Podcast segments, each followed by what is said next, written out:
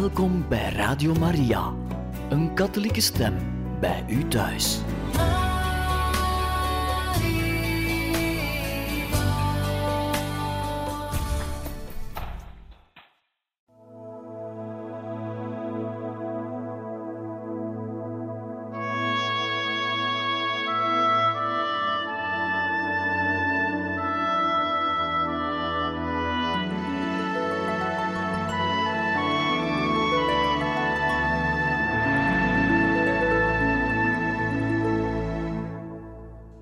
Van harte welkom, beste luisteraars van Radio Maria, bij het programma Heiligen Getuigen, waarbij u verder voorlezen uit het boek Mijn Heerlijk Leven, het verrassend geestelijk avontuur van de jeugdige Gabriel Possenti, geschreven door Edmund Burke. We waren ondertussen aangekomen aan het moment waarop dat de vader van de heilige Gabriel, Sante Possenti eraan denkt om langzamerhand de voorbereidingen te maken om op pensioen te gaan. Hij was ondertussen al eens 69 jaar geworden en we zullen zien hoe de heilige Gabriel daarmee omgaat, ook aan de hand van verschillende passages uit brieven die hij geschreven heeft in die periode. Het nieuwe jaar, 1858, bracht veranderingen thuis. Sante Possenti begon maatregelen te treffen voor het ogenblik waarop hij zich uit de actieve dienst zou terugtrekken. Hij was nu 69 jaar en zijn gezondheid was niet al te best.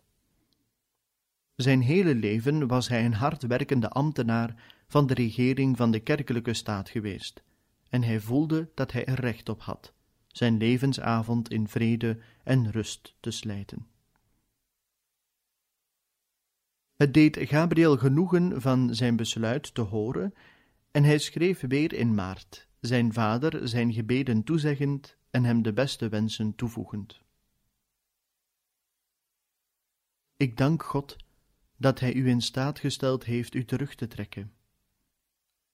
Hoe minder zorgen men heeft, des te gemakkelijker valt het zich bezig te houden met zijn laatste uur. Na de kortstondige bezigheden van dit beperkte leven, mogen wij van de Almachtige God verwachten dat Hij ons een blijvende rust en eeuwige vrede zal toestaan. Mogen Maria onze voorspreekster zijn en bemiddelen, om deze grote genade voor ons allen te verkrijgen. Ik zal niet nalaten u en heel ons gezin, levenden en doden, in mijn armzalige gebeden te gedenken. Op dat ogenblik was Santi Possenti erg besluiteloos ten aanzien van zijn toekomst. Blijkbaar had hij aanvankelijk met de gedachte rondgelopen in een klooster te treden en de rest van zijn leven aan God te wijden. Vervolgens dacht hij erover Spoleto te verlaten en in Rome te gaan wonen, waar reeds een tak van de familie Possenti gevestigd was. Hij vroeg wat Gabriel van dat plan dacht. Ten slotte verklaarde hij zich tegen iedere onmiddellijke verandering en besliste dat hij voorlopig in Spoleto zou blijven. Intussen schreef Gabriel bemoedigend en voegde er een voorzichtig commentaar aan toe. U vroeg wat ik ervan dacht als u in een of andere stad zou gaan wonen. Maar wat kan ik daarover zeggen? Ik zie niet in wat er tegen kan zijn om u in Rome te vestigen, vooral daar mijn drie broers daar hun werk onder uw toezicht kunnen voortzetten. Maar u moet wel nagaan of het klimaat geschikt voor u is. In alle geval zou u gedurende de zomer naar een plaats hier meer in de buurt kunnen verhuizen en zodoende de buitensporige hitte van Rome vermijden. Uiteindelijk keerde Santi Possenti naar zijn geboorteplaats Terni terug, waar hij op 5 april 1872 op 83-jarige leeftijd stierf. Een opschrift op zijn grafsteen vermeldt dat hij begraven werd door zijn vijf nog overlevende kinderen. Dat even als een kanttekening. Vermoedelijk als een onmiddellijk gevolg van het besluit van zijn vader om zich terug te trekken en de familiezaken in orde te maken, moest Gabriel tegen zijn zin op een advocatenkantoor in Ferno verschijnen, om daar enkele officiële stukken te tekenen met het oog op overdracht van eigendom. Hij deed wel een poging om zich aan die verplichting te onttrekken, maar zonder resultaat. Ik zou graag willen weten of die tocht naar Fermo werkelijk noodzakelijk is, schreef hij nogal scherp. Of dat de zaak op een andere manier kan worden geregeld, daar zou ik zeker de voorkeur aan geven. Niettemin, als ik gaan moet, zal het paternovicenmeester niet moeilijk vallen met mij mee te gaan. En in april begaf Gabriel zich dan op weg naar Fermo, niet vergezeld van pater novicenmeester, maar van de alom tegenwoordige pater Norbertus. Op het kantoor van de advocaat ontmoette hij zijn getrouwde zus, Teresa, die nu een degelijke, bedaarde jonge mevrouw van 28 was. Volgens haar eigen verklaring was Teresa aanvankelijk verrast, en vervolgens misschien zelfs een beetje gekwetst door het terughoudend en koele gedrag van Gabriel. Hoewel er zoveel tijd verlopen was sinds wij elkaar nog gezien hadden, zei ze, zei hij geen woord tegen me voordat zijn overste, die bij hem was, hem toestemming had gegeven om te spreken. Toen het ijs eenmaal gebroken was, ontdooide Gabriel ietwat en vroeg haar of ze ook kinderen had. Toen Teresa bijna met tranen in de ogen antwoordde dat zij er twee had, glimlachte Gabriel en gaf haar de raad hen aan Maria toe te wijden, door hen op te dragen bij het altaar van onze lieve vrouw. Op zijn best kon men het een kort en onbevredigend gesprek noemen, in de stoffige omgeving van een officieel bureau, met Gabriel uit zijn element en niet op zijn gemak, en Teresa niet weinig geprikkeld doordat hij zo weinig meer leek op de broer die zij zo goed gekend had. Ze merkte op dat hij bleker en magerder was dan vroeger. Zij voelde dat hij teruggetrokken van de wereld leefde en dat hij op een bepaalde manier, die haar begrip te boven ging, zeer dicht bij God was. Teresa was overigens niet de enige die verward en verrast was. Toen zij hun zaken hadden afgehandeld, vergezelde pater Norbertus Gabriel Flux naar het Jezuïtencollege. Verschillende van de paters, die hem in Spoleto gekend hadden, gaven thans les in Fermo. Onder hen was de rector, pater Rossi, die hem hartelijk begroette en Gabriel met een peinzende blik opnam. Was deze jonge student, met het gemillimiteerde hoofd en met sandalen aan de voeten werkelijk Francesco Possenti, een van hun knapste leerlingen? Toen de Jezuïet naar het ruwe zwarte habit keek, moest hij onwillekeurig denken aan het zwierige vertoon van deftigheid dat hij in gedachten steeds met de jonge Possenti in verband gebracht had. Nee, het was meer dan men geloven kon. Uiterlijk mocht hij dan veranderd schijnen, maar onder die dekmantel moest hij toch nog steeds de opgewekte jongeling zijn, die zij allen zo goed gekend hadden. Pater Rossi voelde zijn twijfels stijgen. Hij nam pater Norbertus terzijde en buiten gehoorsafstand en met een wenk in de richting van Gabriel vroeg hij kortaf op onderdrukte toon: Hoe gaat het met die jonge man? Werkelijk heel goed, antwoordde pater Norbertus ook kortaf, misschien een beetje geprikkeld door de twijfel die er in de vraag doorklonk. Is dat echt waar? drong de rector aan. Was hij niet geneigd tot een beetje, ja, een beetje oppervlakkigheid? De genade van zijn roeping heeft dat allemaal misschien opgevangen, zei pater Norbertus met stelligheid. Het is een voortreffelijk jong mens. Men kan er zich geen betere wensen, en als hij zo doorgaat, en wij hebben alle reden dat te hopen, wordt hij echt een heilige. Tegen het eind van zijn verblijf in Morovale gebeurde er iets dat een blijvende invloed op Gabriel had. In de eerste dagen van mei ontving men het bericht van de dood van een student in Isola, confrater Pietro van Maria.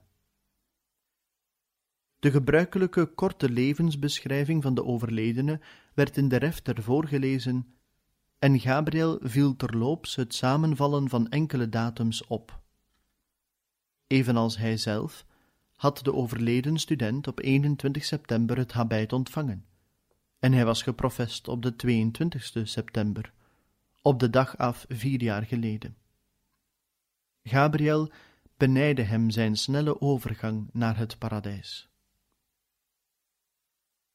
Van de eerste dagen in het klooster af had Gabriel erom gebeden jong te mogen sterven. Hij was bang voor het gevaar God te beledigen of lauw te worden in de dienst van zijn meester. Hij vroeg God zelfs te mogen sterven aan de tering, wat de Italianen zo mooi de ziekte der gelukzaligen noemen, omdat deze ziekte hun geestesvermogen tot het einde toe ongerept laat. Toen hij voor het eerst van deze smeekbede hoorde, voelde pater Norbertus zich zowel onaangenaam getroffen als verontrust. Maar hij kon het in geweten niet verbieden, omdat, zoals hij zei, het een goed gebed was. Maar hij deed Gabriel er dit voorbehoud aan toevoegen: als het mocht zijn ter meerdere ere van God en voor zijn eigen geestelijk heil. Na de dood van confrater Pietro werd het gebed van Gabriel nog dringender en vuriger dan eerst. En was het dan louter toeval dat Gabriel binnen vier jaar zou moeten sterven? Sterven aan de tering, sterven in Isola, waar zijn lichaam in hetzelfde graf zou rusten als dat van de student, wiens spoedig vertrek naar de hemel hem ertoe bewogen had naar een soortgelijk einde te verlangen.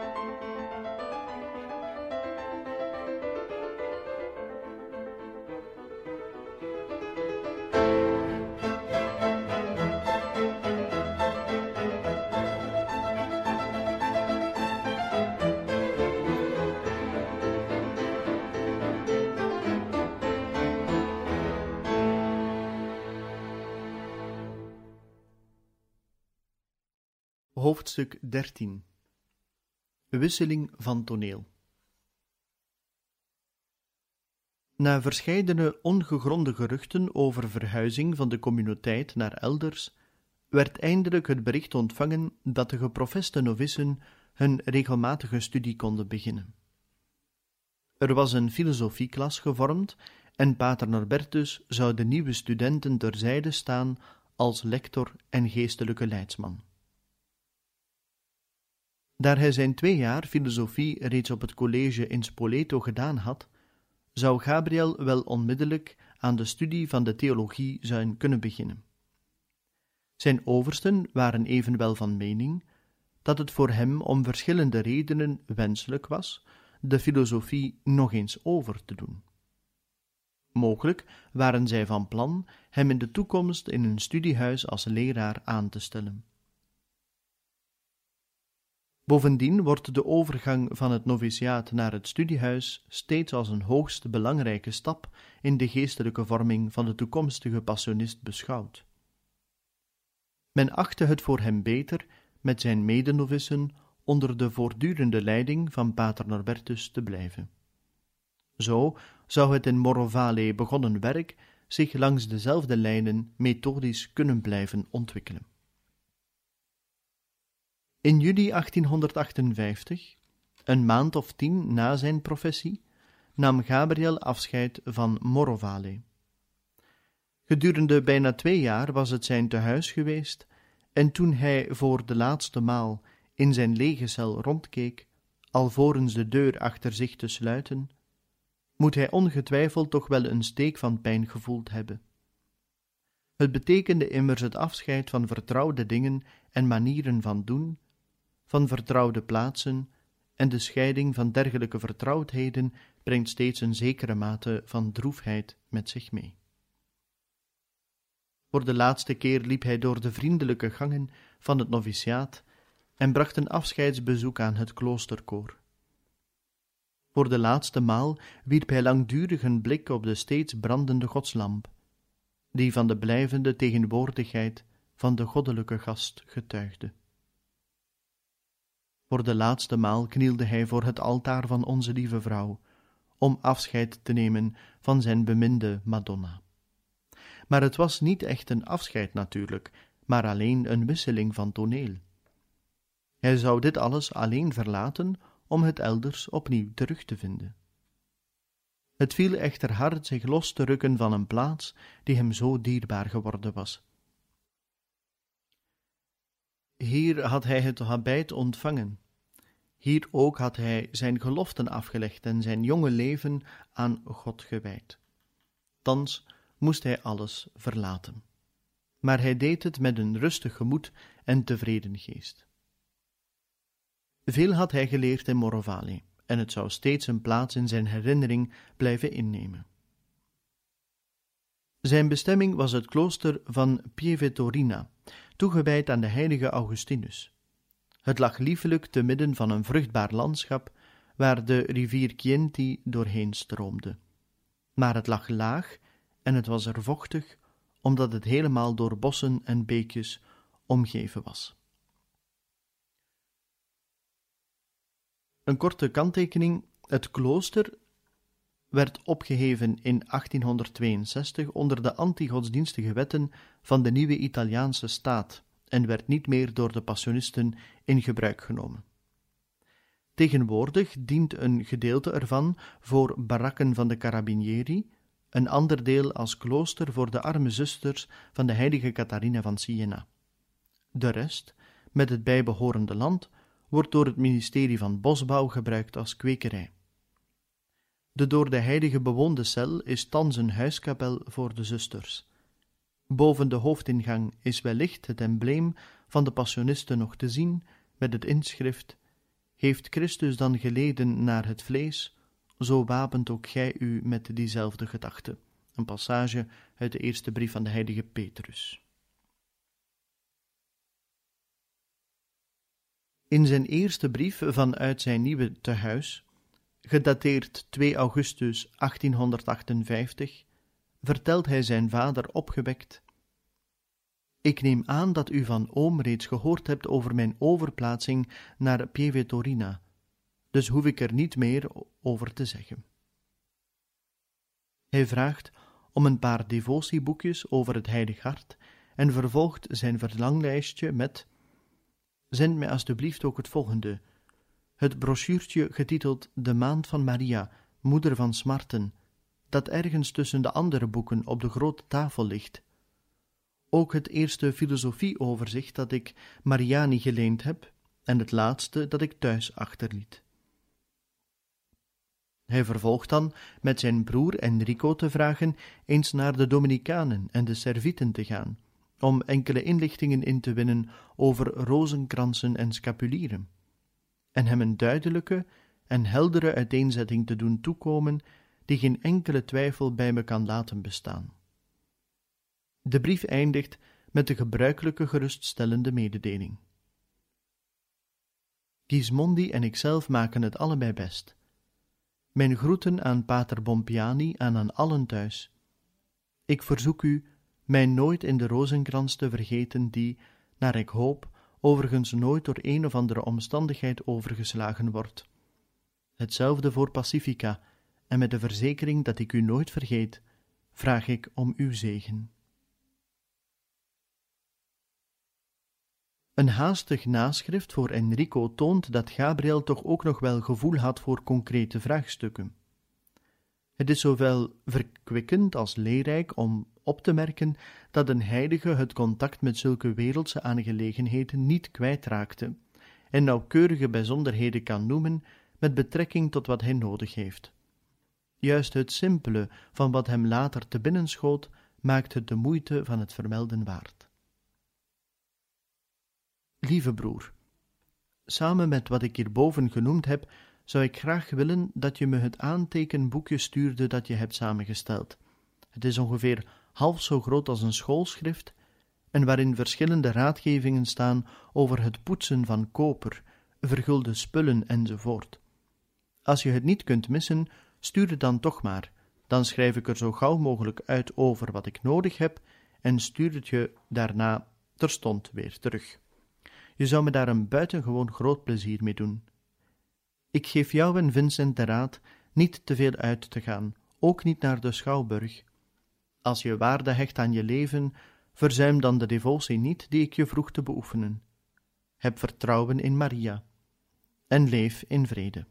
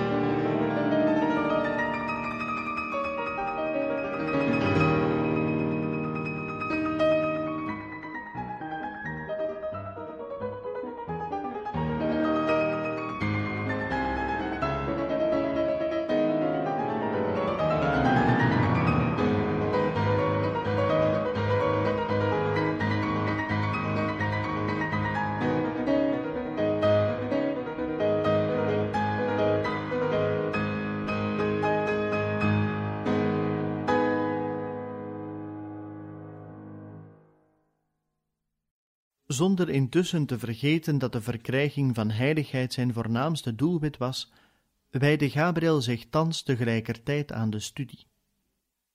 We kunnen niet met vrucht in de wijngaard des Heren werken, zo merkte hij op, tenzij we eerst een behoorlijke hoeveelheid kennis en heiligheid hebben opgedaan. Zijn grootste zorg was tijdverspilling te voorkomen, want in zijn veel met gebed gevuld leven was er niet zo uitermate veel tijd voor de studie. Op een klein kaartje schreef hij een korte waarschuwing: Verlaat de cel niet. Hij zette het op zijn tafel naast de boeken, zodat hij het ieder uur van de dag wel moest zien. In zijn cel was het hem niet voldoende het kruisbeeld voor zich op de tafel te hebben, zoals algemeen gebruik was. Nee, hij plaatste het vlak naast zich neer, bij de opengeslagen bladzijde van het boek. En vaker dan eens nam hij het ter hand en drukte er bij herhaling de lippen op. Door het aanhoudende gebruik werd het kruisbeeld bruin en versleten, zoals de heilige Thomas erin zag in de handen van de heilige Bonaventura.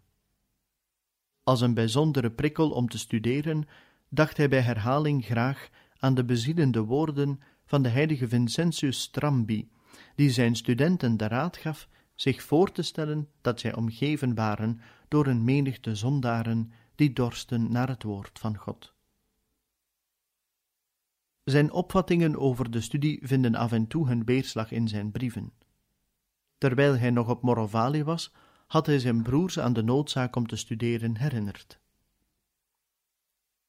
Zegt tegen Vincent en Enrico dat zij vooral moeten studeren. Nu de vakantie achter de rug is, valt er niets anders meer te doen dan te studeren. Laat hen dit doen met heel hun hart, met de gedachte dat studeren een plicht is die hun levensstaat meebrengt, en dat zij er op een goede dag blij om zullen zijn het gedaan te hebben. Ik hoor van oom dat Vincent en Enrico weinig of niet studeren, zodat het me nutteloos voorkomt hen daarover te spreken. Ik wil eerlijk bekennen dat onder de dingen die ik mij met spijt in het hart herinner, het meest op de voorgrond treden gebrek aan studie, ongehoorzaamheid, vooral in gezelschap, en vaak lachen, suffen of toegeven aan verstrooidheid onder het bidden van de rozenkrans. Wanneer men deze uitlatingen kenmerkend mag vinden voor zijn levensbeschouwing, dan was Gabriel blijkbaar een ijverig student. Begiftigd met een vlug verstand en een sterk geheugen, was hij onder de lessen aandachtig, repeteerde vlijtig en wist wat hij geleerd had op een heldere manier weer te geven.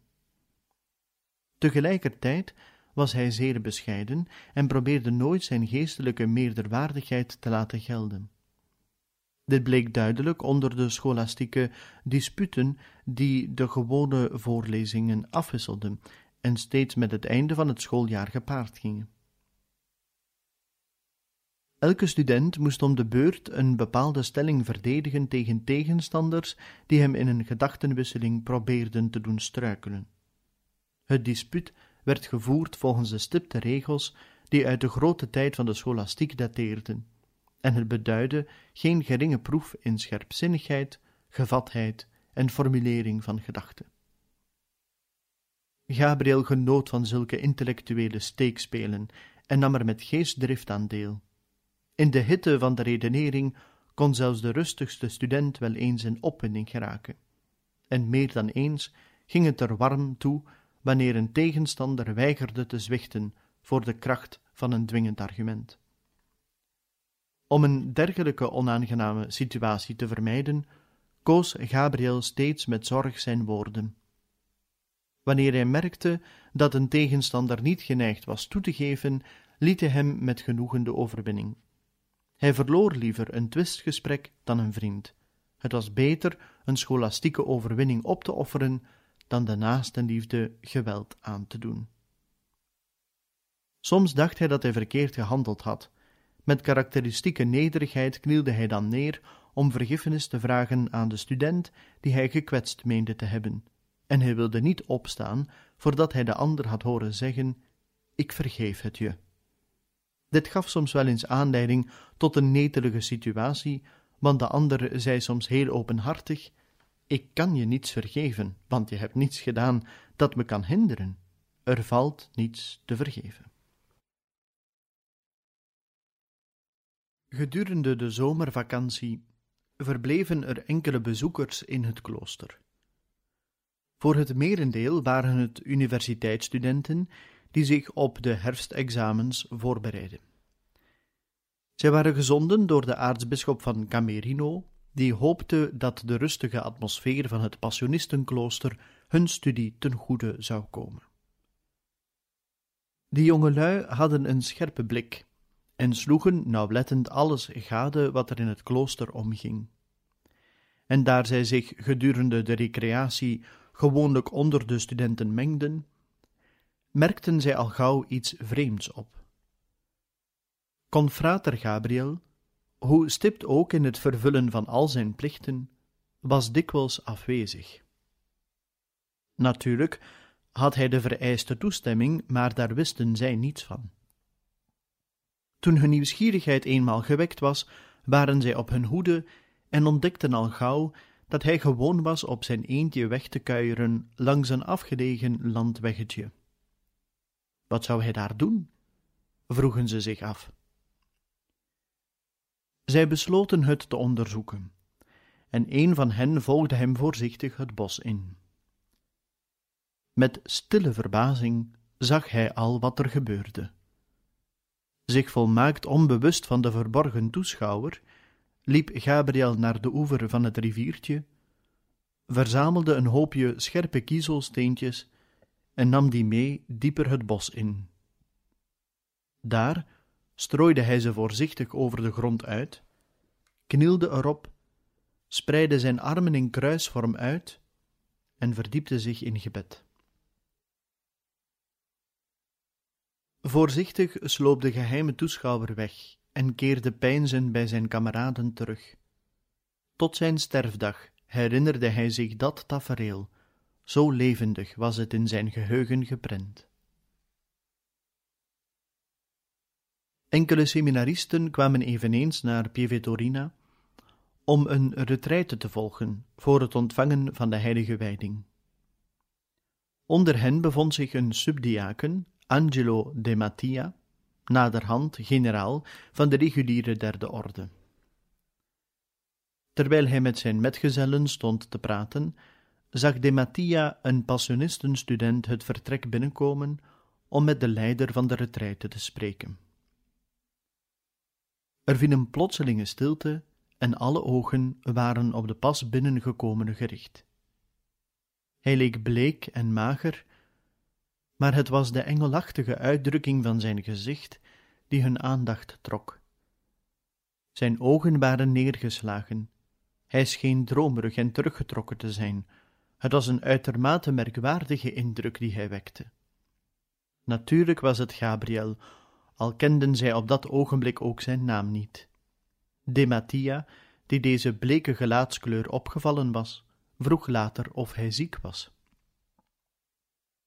Helaas ja, antwoordde de priester. Hij is nu al een tijdje niet goed en we hebben er weinig hoop op. Hij is werkelijk een kleine heilige, stamt tussen haakjes van een heel goede familie, de zoon van een gouverneur. Afgezien van de korte ontmoeting met zijn getrouwde zus, Teresa Pellegrini, had Gabriel meer dan twee jaar lang geen enkel lid van zijn familie gezien. Michael vond dat het tijd werd dat iemand hem eens ging opzoeken. In september 1858 maakte Michael, die toen in Rome met zijn laatste jaar medicijnen bezig was, van zijn vakantie gebruik om een paar dagen in Pieve te gaan doorbrengen. Het deed hem veel genoegen zijn broer zo gelukkig en tevreden aan te treffen, maar hij maakte zich bezorgd over diens gezondheid. Gabriel had duidelijk aan gewicht verloren en zag er mager en zwak uit. Zijn gezicht zag bleek en hij was gauw vermoeid. Michaels deskundige blik merkte de onheilspellende symptomen op, maar Gabriel glimlachte over zijn pessimisme en zei dat hij zich geen zorgen hoefde te maken. Hij was weliswaar herstellende van bronchitis, maar de kennelijke verslechtering van zijn gezondheid bleef Michael toch zorgen baren. Misschien had Santi Possenti al de wenk gegeven om het onderwerp ter sprake te brengen, ofwel Michael zelf vreesde dat de strengheid van het passionistenleven te zwaar voor Gabriel zou blijken te zijn. In alle geval deed hij op vrij schroomvallige manier het voorstel of het niet mogelijk en zelfs raadzaam zou zijn dat Gabriel het klooster zou verlaten en naar huis zou komen. En met de inleiding van die nieuwe beproeving die Gabriel zal moeten doorgaan, een beproeving voor zijn roeping, geconfronteerd met inderdaad een lichamelijke zwakheid, zullen we een volgende keer ontdekken hoe Gabriel hierop reageerde, op dat voorstel van zijn broer. En dan lezen wij u graag verder voor uit het boek Mijn Heerlijk Leven, het verrassend geestelijk avontuur van de jeugdige Gabriel Possenti, geschreven door Edmund Burke. En dan hoop ik ook dat u er een volgende keer opnieuw wenst bij te zijn. Van harte dank en nog een bijzonder fijne dag wenst.